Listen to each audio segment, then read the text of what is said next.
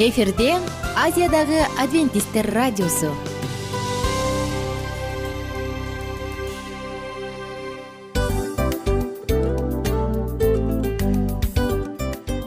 Достор салют. Баардык сүйүктүү угармандарыбызга салам айтабыз. Кутман күнүңүздөр менен. Ден соолук өмүрдүн булагы демекчи саламат саамы программасында баарыңыздарды көргөнүбүзгө абдан кубанычтабыз. Анда алгач амандашып өтөлү арбаңыздар деп. Ден соолугуңуздар кандай элибизде көбүнчө ден соолук кандай дегенде эле жакшы деп жооп беребиз э? ооруп турсак дагы жакшы дейбиз. Анан мен муну айтып ойлойт элем бул абдан сонун сөз депчи анткени бул жакшы деген үмүт да э баары жакшы болот баары сонун. Деп үмүттөнүп атып эле өзүбүздү өзүбүз дарылап коебуз. Анысы кандай? Сиздин дагы ден соолугуңуз жакшы беш деген үмүттөбүз чындыгында ден соолук бул өмүрдүн булагы деп бекеринен айтылган эмес деп ойлойм. Кыргыз элинде анткени эгерде ден соолук жок болсо анда адамдын жашоосунда калган баардык керектүү маңыздуу нерселер өзүнүн баалуулугун жоготуп коет. Ошондуктан ден соолук бул эң керектүү нерсе. Ооба туура айтасың кесиптешим. Чынында ден соолугуң жок бир эки үч күн ооруп калсаң эле э кандай болуп калат? Жашоодо көз каранды болуп каласың көп нерсеге жетишпей каласың көп нерсени кыла албай каласың жада калса эшикке дүкөнгө да чыга албай каласың. Туптуура анан ден соолук болсо демек биз биздин бактыбыз тотой деп койсок болот. Анда достор саламат саамы рубрикабызды баштайлы. Алдыда өзүңүзгө керектүү болгон сонун кеңештерди уга аласыздар. Мына ошондуктан биз менен бирге болуңуздар. Ал эми биз болсо милан жана айнура. Кеттик алга. Алга саламат саама ден соолуктун жарчысы. Саламат саама ден соолуктун ачкычы. Күн сайын сиз үчүн мыкты кеңештер сонун жаңылыктар кызыктуу фактылар биздин рубрикада.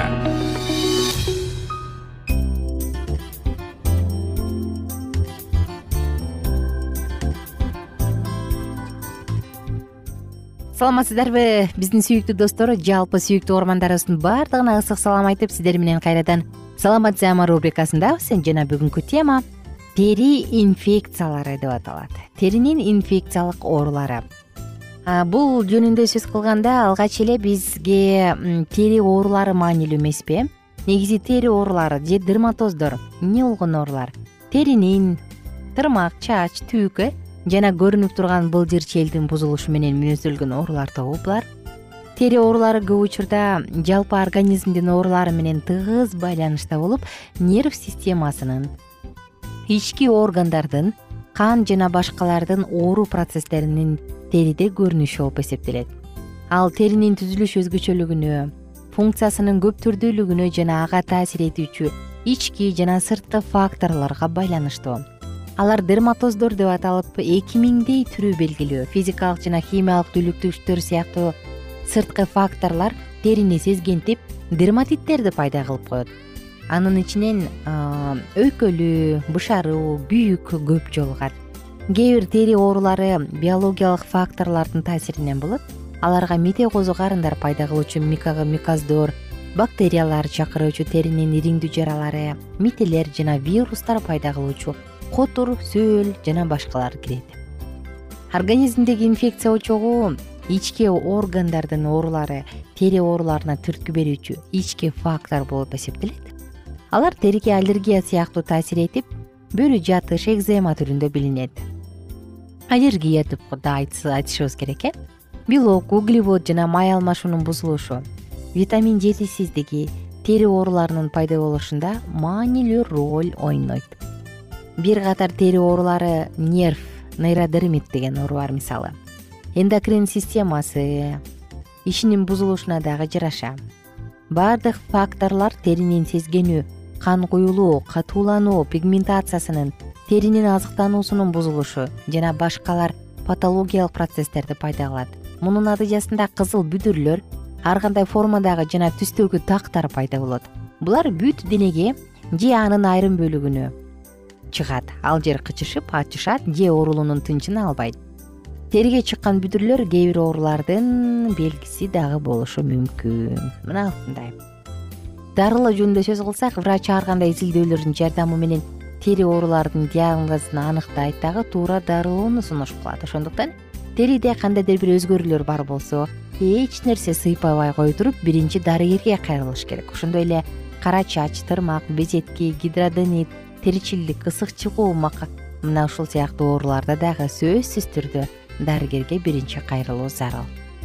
Достор биз бүгүн сиздер менен тери инфекциялык оорулары жөнүндө сөз кылып атабыз мындай учурда биз бүгүн бир гана алоенин ширеси жөнүндө сөз кылмакчыбыз алоенин ширеси сок алоэ деп коет. Бул абдан дарылуу дарылуулук касиети жогору болгон каражат. Аны сырттан дагы ичтен дагы пайдаланса болот. Азыркы күндө э, сатыкта даяр алоенин ширеси дагы бар э абдан кеңири көп колдонулат бирок биз сиздерге үйдөн өзүңүз даярдап алганыңызды сунуштайт элек. Алоенин ширесин ичтен дагы сырттан дагы пайдалана турган болсок мындай учурда пыргыч деп коебуз го безеткилер инфекция жуккан жаратта целлюлит угри ал эмес псориазды дагы ушул эле кадимки эле соктун ширеси менен алоенин ширеси менен дарылаганга мүмкүн.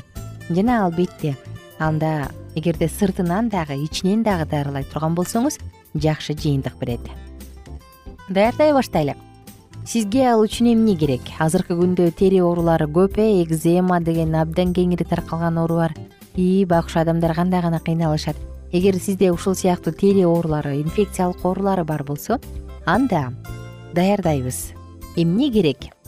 Кадимки эле алоэ веранын бир нече жалбырагын үзүп алыңыз алардын капталдарындагы тикенектердин баарын кесип салыңыз. Анан жалбырактарды аябай жакшылап жууңуз. Жуугандан кийин сырттын ичиндеги катмарын акырын сыйрып алып салыңыз. Бул баягы сары саргыч болгон слою бар го ичинде катмар ошону алып салыңыз. Анткени анын курамында алкалоид бар болгондуктан анын даамы алкалоид сыяктуу болгондуктан ачуу анан адамды мындай кыжырдантуучу бир э, өзүнүн касиети бар андан соң достор ичиндеги желеге окшош суюктуктун баардыгын блендерге салып бирдей масса пайда болгончо аралаштырыңыз. Ага лимон ширесин кошуңуз бир эки аш кашык кошуп койсоңуз болот. Андан кийин бир аз суу кошуңуз дагы жакшылап аралаштырыңыз. Болду муздаткычка салып коюңуз күнүнө бир эки порциядан ар бири бир жүз грамм жүз жыйырма граммдай ичип туруңуз күнүнө. Колдон келишинче тамактан мурун ичип коюңуз дагы бир жолу кайталайын. Тери инфекциялык ооруларында кандай кылып сокту даярдаш керек? Кадимки эле алоэ веранын беш алты жалбырагын кесип алыңыз. Чет жактарындагы тикенектердин баарын алып салыңыз аны жалбыракты жакшылап жууңуз андан соң анын үстүндөгү ичкем жашыл саргыч болгон слойду алып салыңыз. Эми жалбырактын ичиндеги желеге окшош болгон желени дейинчи суюктуктун баардыгын тең блендерге салыңыз дагы бирдей масса пайда болгончо аралаштырыңыз ага бир эки аш кашык лимон ширесин жана бир аз суу кошуңуз. Жакшылап аралаштырып муздаткычка салып коюп иче бериңиз. Болду жөнөкөй жеңил оңой жана эффективдүү. Сонун сок даяр. Достор биз сиздерге кааларыбыз оорубаңыздар териде дагы бир жолу кайталайын. Кандайдыр бир инфекциялык дарт пайда болсо аны ичинен дагы сыртынан дагы ичиңиз. Жана биз бүгүн айтып берген сизге алоенин ширеси алоенин соку. Ар кандай инфекция жуккан учурдагы жаракаттарда безетки угри целлюлитте жана ал эмес псориазда дагы дарыланууга жардам берет. Ичинен дагы сыртынан дагы бир учурда колдоно турган болсоңуз сиздер менен коштошобуз жана кийинки уктуруудан баардыгыңыздарды ушул эле жыштыктан күтүп алабыз. Күнүңүздөр көңүлдүү улансын. Бар болуңуздар бай болуңуздар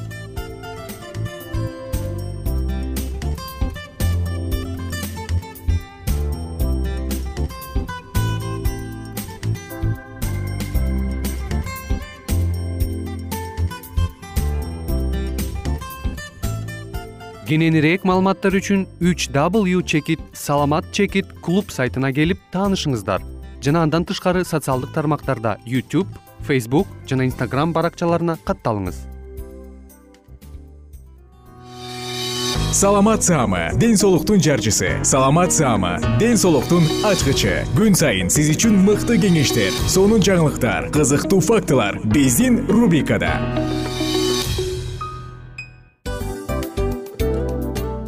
салам достор. Кайрадан биздин сүйүктүү рубрикабызга кош келиңиздер деп айтмакчыбыз.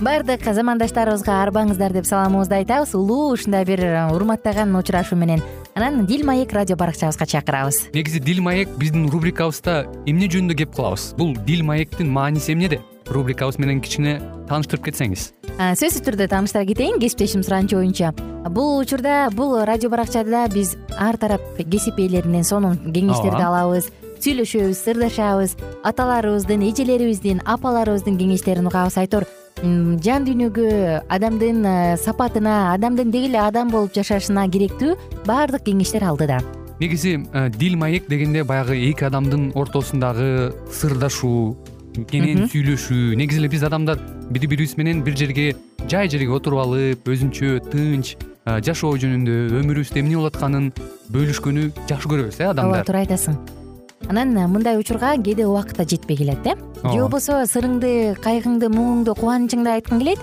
а адамга ишенбешиң мүмкүн. Ооба. А бул радио баракча угармандарыбыздын чыныгы досу. Анткени бизден алган кеңеш сиздин жашооңузга чоң жардам берет.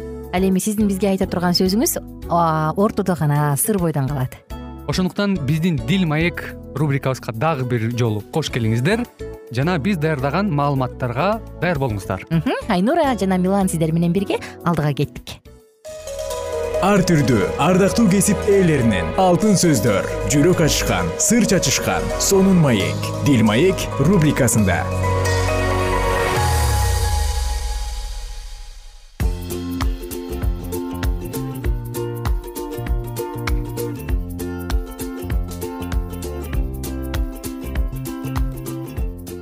салам достор. Биздин сүйүктүү угармандар жалпыңыздар менен кайрадан жагымдуу саатыбызда үн алышканыбызга кубанычтабыз. Бүгүнкү күн эң сонун күндөрдөн болсо экен деген гана үмүт бар. Жана албетте достор бул уктуруу дил маек уктуруусу. Сиздер менен биз аял жубай жана эне деп аталган сонун проектти э, сонун циклды андан ары улантуудабыз бүгүнкү тема дагы сизге өзгөчө жүрөгүңүзгө жакын болот деген үмүттөмүн. Себеби бүгүн дагы тарыхта өзүбүздүн калтырган эң сонун өзгөчөлүгү менен өзгөчөлөнгөн бир айым тууралуу сөз кылабыз. Анда эмесе достор биз менен бирге болуңуздар кызыктын баардыгы алдыда. Табита өзүн кудайга кызмат кылууга арнаган бойдок аял. Эгерде бойдок аял ошол бойдок абалын түшүнүп кабыл алса ал эркин болот. Анткени ушундай абалында анын аял затына таандык сапаттары толугураак өөрчүйт пауль торнер жапа шаарында табита деген шакирт аял бар эле. Бул ысым жейрен деп которулат. Ал көптөгөн жакшы иштерди кылчу жакырларга көп жардам берчү.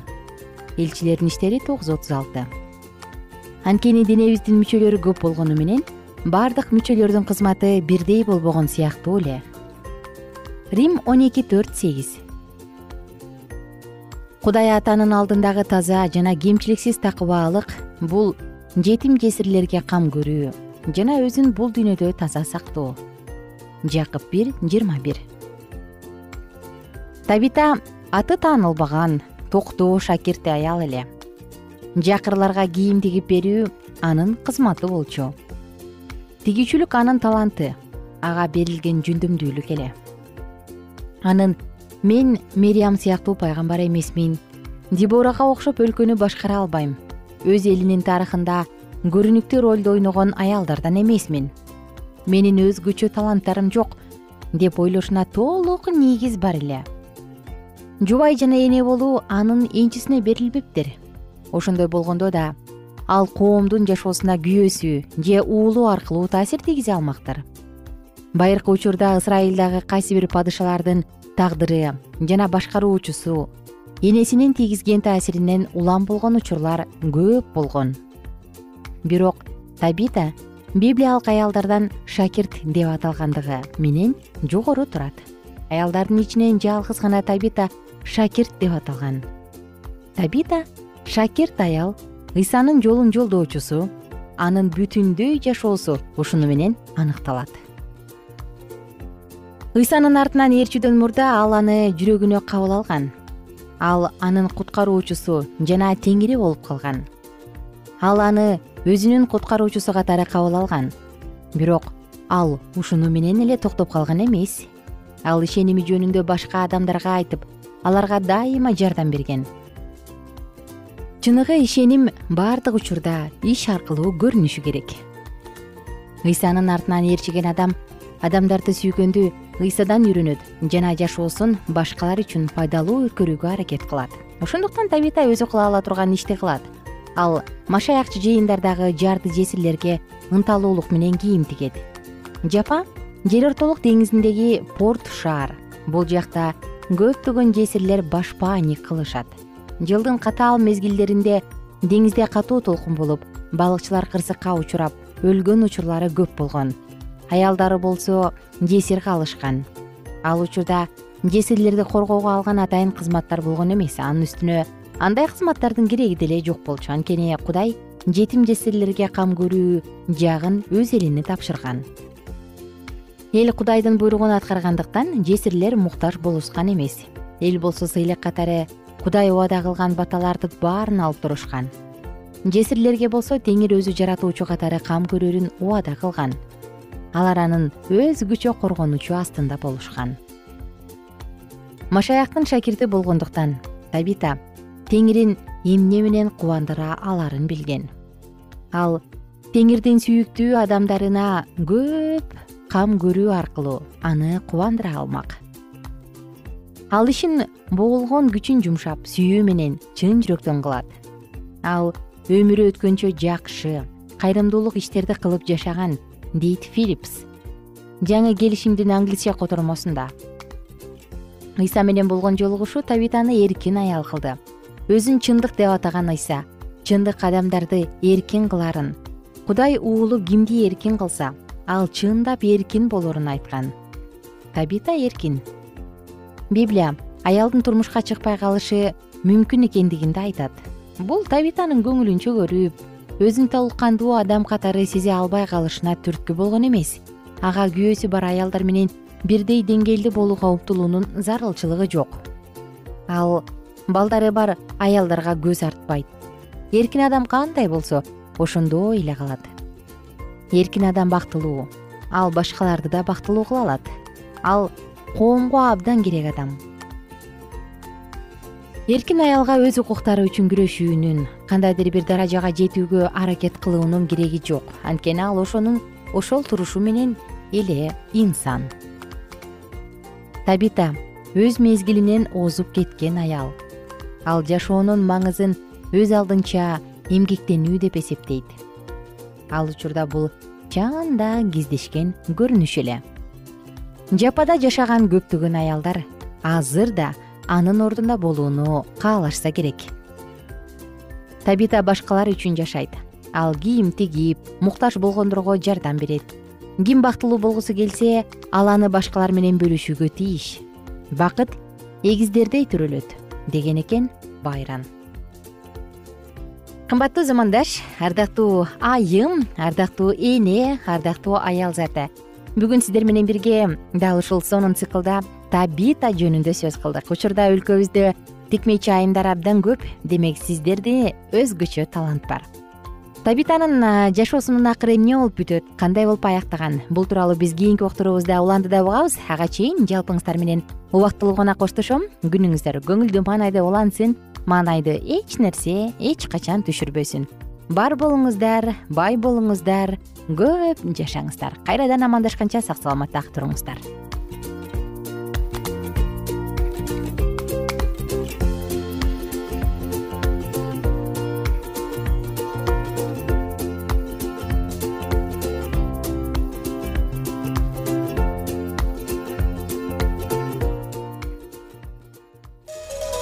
ар түрдүү ардактуу кесип ээлеринен. Алтын сөздөр жүрөк ачышкан сыр чачышкан сонун маек. Дил маек рубрикасында.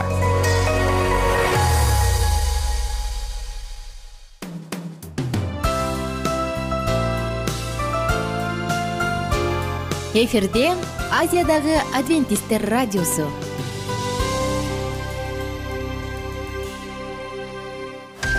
жан дүйнөңдү байыткан жүрөгүңдү азыктанткан жашооңо маңыз тартуулаган жан азык рубрикасы.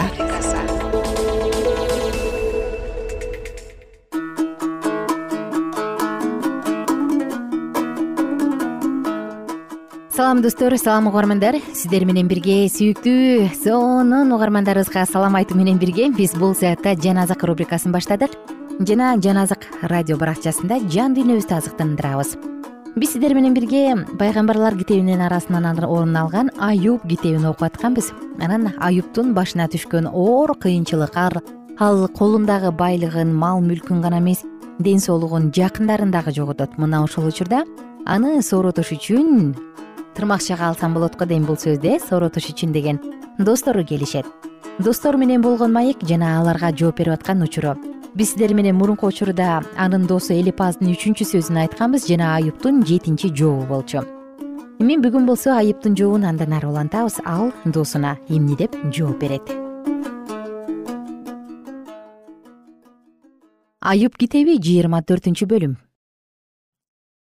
Эмне үчүн мезгилдер кудуреттүү кудайдан жашырылган эмес? Эмне үчүн аны билгендер анын күндөрүн көрүшпөйт мыйзамсыздар жер чектерин жылдырып жайылган малдарды айдап кетип өз жайыттарында жайып жүрүшөт. Жетимдин эшегин тартып алып жесирдин өгүзүн күрөөгө алышат. Жакырларды жолдон түртүп кетишет. Алардан жердеги кордук көргөндөрдүн баары жашырынууга мажбур. Мына алар чөлдөгү жапайы эшектердей жем табыш үчүн эртең менен эрте туруп өз иштерине чыгышат. Талаа аларга да алардын балдарына да азык берет. Алар өздөрүнүкүн эмес башкалардын талааларынан эгин орушат мыйзамсыздыгын жүзүмүн жыйнашат. Жылаңач суукка жамынычысыз кийимсиз түнөшөт.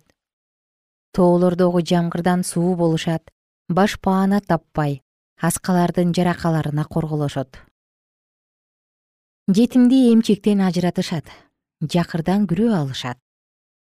Кийимсиз жылаңач жүрүүгө мажбур кылышат ачкаларга машак беришет. Дубалдардын ортосунда зайтун майын сыгышат. Жүзүм сыгылуучу жайда жүзүм тебелешет бирок суусап жүрүшөт. Шаарда адамдар онтоп жатышат. Өлтүрүлгөн адамдардын жаны жардам сурап бакырып жатат бирок кудай мындай мыйзамсыздыкка тыюу салбайт. Алардын арасында жарыктын душмандары бар. Алар кудайдын жолун билишпейт. Анын жолу менен жүрүшпөйт. Адам өлтүрүүчү таң ата электе туруп жарды менен кайырчыны өлтүрөт. Ал эми түн киргенде уурулук кылат. Бузулган адам күүгүмдү күтүп мени эч ким көрбөйт деп бетин жаап алат күндүз белгилеп койгон үйгө түн ичинде астынан казып киришет. Алар жарыкты билишпейт. Алар үчүн таң өлүм көлөкөсү себеби алар өлүм көлөкөсүнүн коркунучун билишет. Ал суу үстүндө жеңил анын жердеги үлүшү каргышка калган. Ал жүзүмзарга кеткен жолго карабайт. Кургакчылык менен ысык каптап кар сууларын жутуп турат. Өлгөндөр жаткан жай да күнөөкөрлөрдү ошондой жутуп турат аны эненин жатыны унутсун аны курт тамшанып жесин анын аты жер үстүнөн өчсүн мыйзамсыз адам жыгачтай сынсын ал төрөбөгөн баласыз аялды кордогон жесир аялга жакшылык кылган эмес. Ал күчтүүлөрдү да өз күчү менен өзүнө тартат ордунан турганда эч ким тирүү каларына көз жетпейт ал ага коопсуз болуш үчүн бардыгын берет ошого таянат. Анын көздөрү алардын баскан жолун көрүп турат. Алар жогору көтөрүлүшөт анан жок болушат. Алар бардык адамдардай эле кулашат анан өлүшөт машактай болуп орулушат. Эгерде мындай эмес болсо жалган айтты деп мени ким ашкерелейт жана ким менин сөзүмдү жокко чыгарат? Аюб китеби жыйырма бешинчи бөлүм. Билдаттын сөзү. Шухтук билдат мындай деп жооп айтты. Зор бийлик да коркунуч да анын колунда. Ал өзүнүн бийиктиктеринде тынчтык жаратат. Анын асман кошуундарына сан жетеби? Анын жарыгы кимге тийбейт? Анан кантип адам кудайдын алдында адилет боло алсын. Анан кантип аялдан туулгандар таза болсун? Анын көз алдында атүгүл ай да жарык эмес жылдыздар да таза эмес. Адам эмне болуп калыптыр? Ал бар болгону курт. Адам баласы эмне болуп калыптыр? Ал бар болгону күбө. Жыйырма алтынчы бөлүм аюптун сегизинчи жообу ошондо аюп мындай деп жооп берди. Күчсүзгө сен кандай жардам бердиң? Алсызга сен кандай күч бердиң? Акылсызга сен кандай кеңеш бердиң? Ишти толугу менен кандай түшүндүрдүң? Сен бул сөздөрдү кимге айттың? Сенден кимдин руху чыгып жатат? Репалыктар суулардын астында калтырашат сууда жашагандар да калтырашат. Анын алдында өлгөндөр жаткан жай да ачык абадондун жабуусу жок. Ал түндүк уюлду боштук үстүнө жайгашкан жерди жок нерсенин үстүнө илип койгон. Ал сууларды өзүнүн булуттарынын ичинде кармап турат. Булуттар да суулардын салмагынан жарылбай турат. Ал өзүнүн тагын орнотуп анын үстүнө өзүнүн булуттарын жайып койгон. Жарык менен караңгынын чегине чейин суу үстүнөн чек өткөрүп койгон. Анын каарынан асман түркөктөрү титиреп үрөйү учуп турат. Ал өз күчү менен деңизди толкутат өзүнүн акылы менен рахапты талкалады. Асмандын сонундугу анын рухунан анын колу тез чуркаган жылаанды жараткан. Анын жолдорунун бир бөлүгү мына ушул. Биз ал тууралуу кандай аз укканбыз. Анын кудуретинин жаңырыгын ким түшүнө алат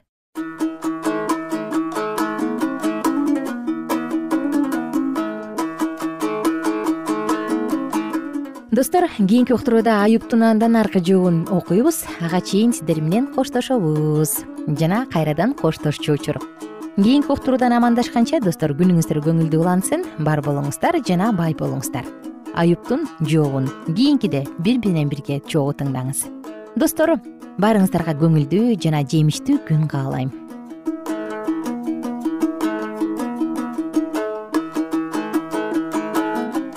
эгер сиздерде суроолор болсо же көбүрөөк маалымат билем десеңиз анда биздин whatsapp номерибизге жазыңыз. Плюс бир үч жүз бир жети жүз алтымыш алтымыш жетимиш. Кайрадан плюс бир үч жүз бир жети жүз алтымыш алтымыш жетимиш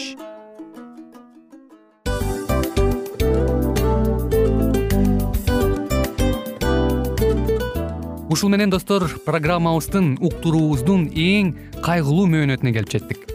Кайгылуу дегенде ыйлагым келип кетти кесиптеш. Кадимкидей. Анткени баягы учурашасың анан коштошуу учур келгенде ии кантип ии эми эми бат баттан келиптир э сагындырбай деп атып араң коштошобуз го. Анысы кандай? Угармандарыбыз менен коштошчу учур келди. Кийинки уктурууларды сагыныч менен жүрөгүбүздө кусалык менен күтөбүз жалпыңыздарды анан жарым сааттык уктуруу көз ачыш йумканча өтүп кетти. Сөзсүз бирок бизде жакшы кабар бар. Кийинки уктурууларыбызда сөзсүз дагы кезигишебиз. Анткени биз көптөгөн сюрприздерди кызыктуу маалыматтарды жана керектүү керектүү нерселердин көбүнчөсүн даярдадык. Анда угармандарыбыздын баардыгына ийгиликтүү күн каалайбыз. Эгерде бүгүнкү күнүңүз өзгөчө э, өтүшүн кааласаңыз анда позитивдүү ой жүгүртүп жылмайып жакындарыңызга жакшы маанай тартуулап жүрө бериңиз анткени сөзсүз түрдө мунун арты кайтат э? Сөзсүз. Баягы ден соолугуң оңолот ал бул деп көп нерсени санап келебиз. Эң негизгиси бул сиздин жашооңузду жаркын кыла түшөт экен. Жараткан кудай ар бирөөңүздөргө батасын берсин жашооңуз ийгиликтүү болсун сак саламатта калыңыздар деп мен милан жана кесиптешим айнура. Баардыгыңыздар менен кийинки уктурууда үн алышканча. Баарыңыздарга ийгилик каалайбыз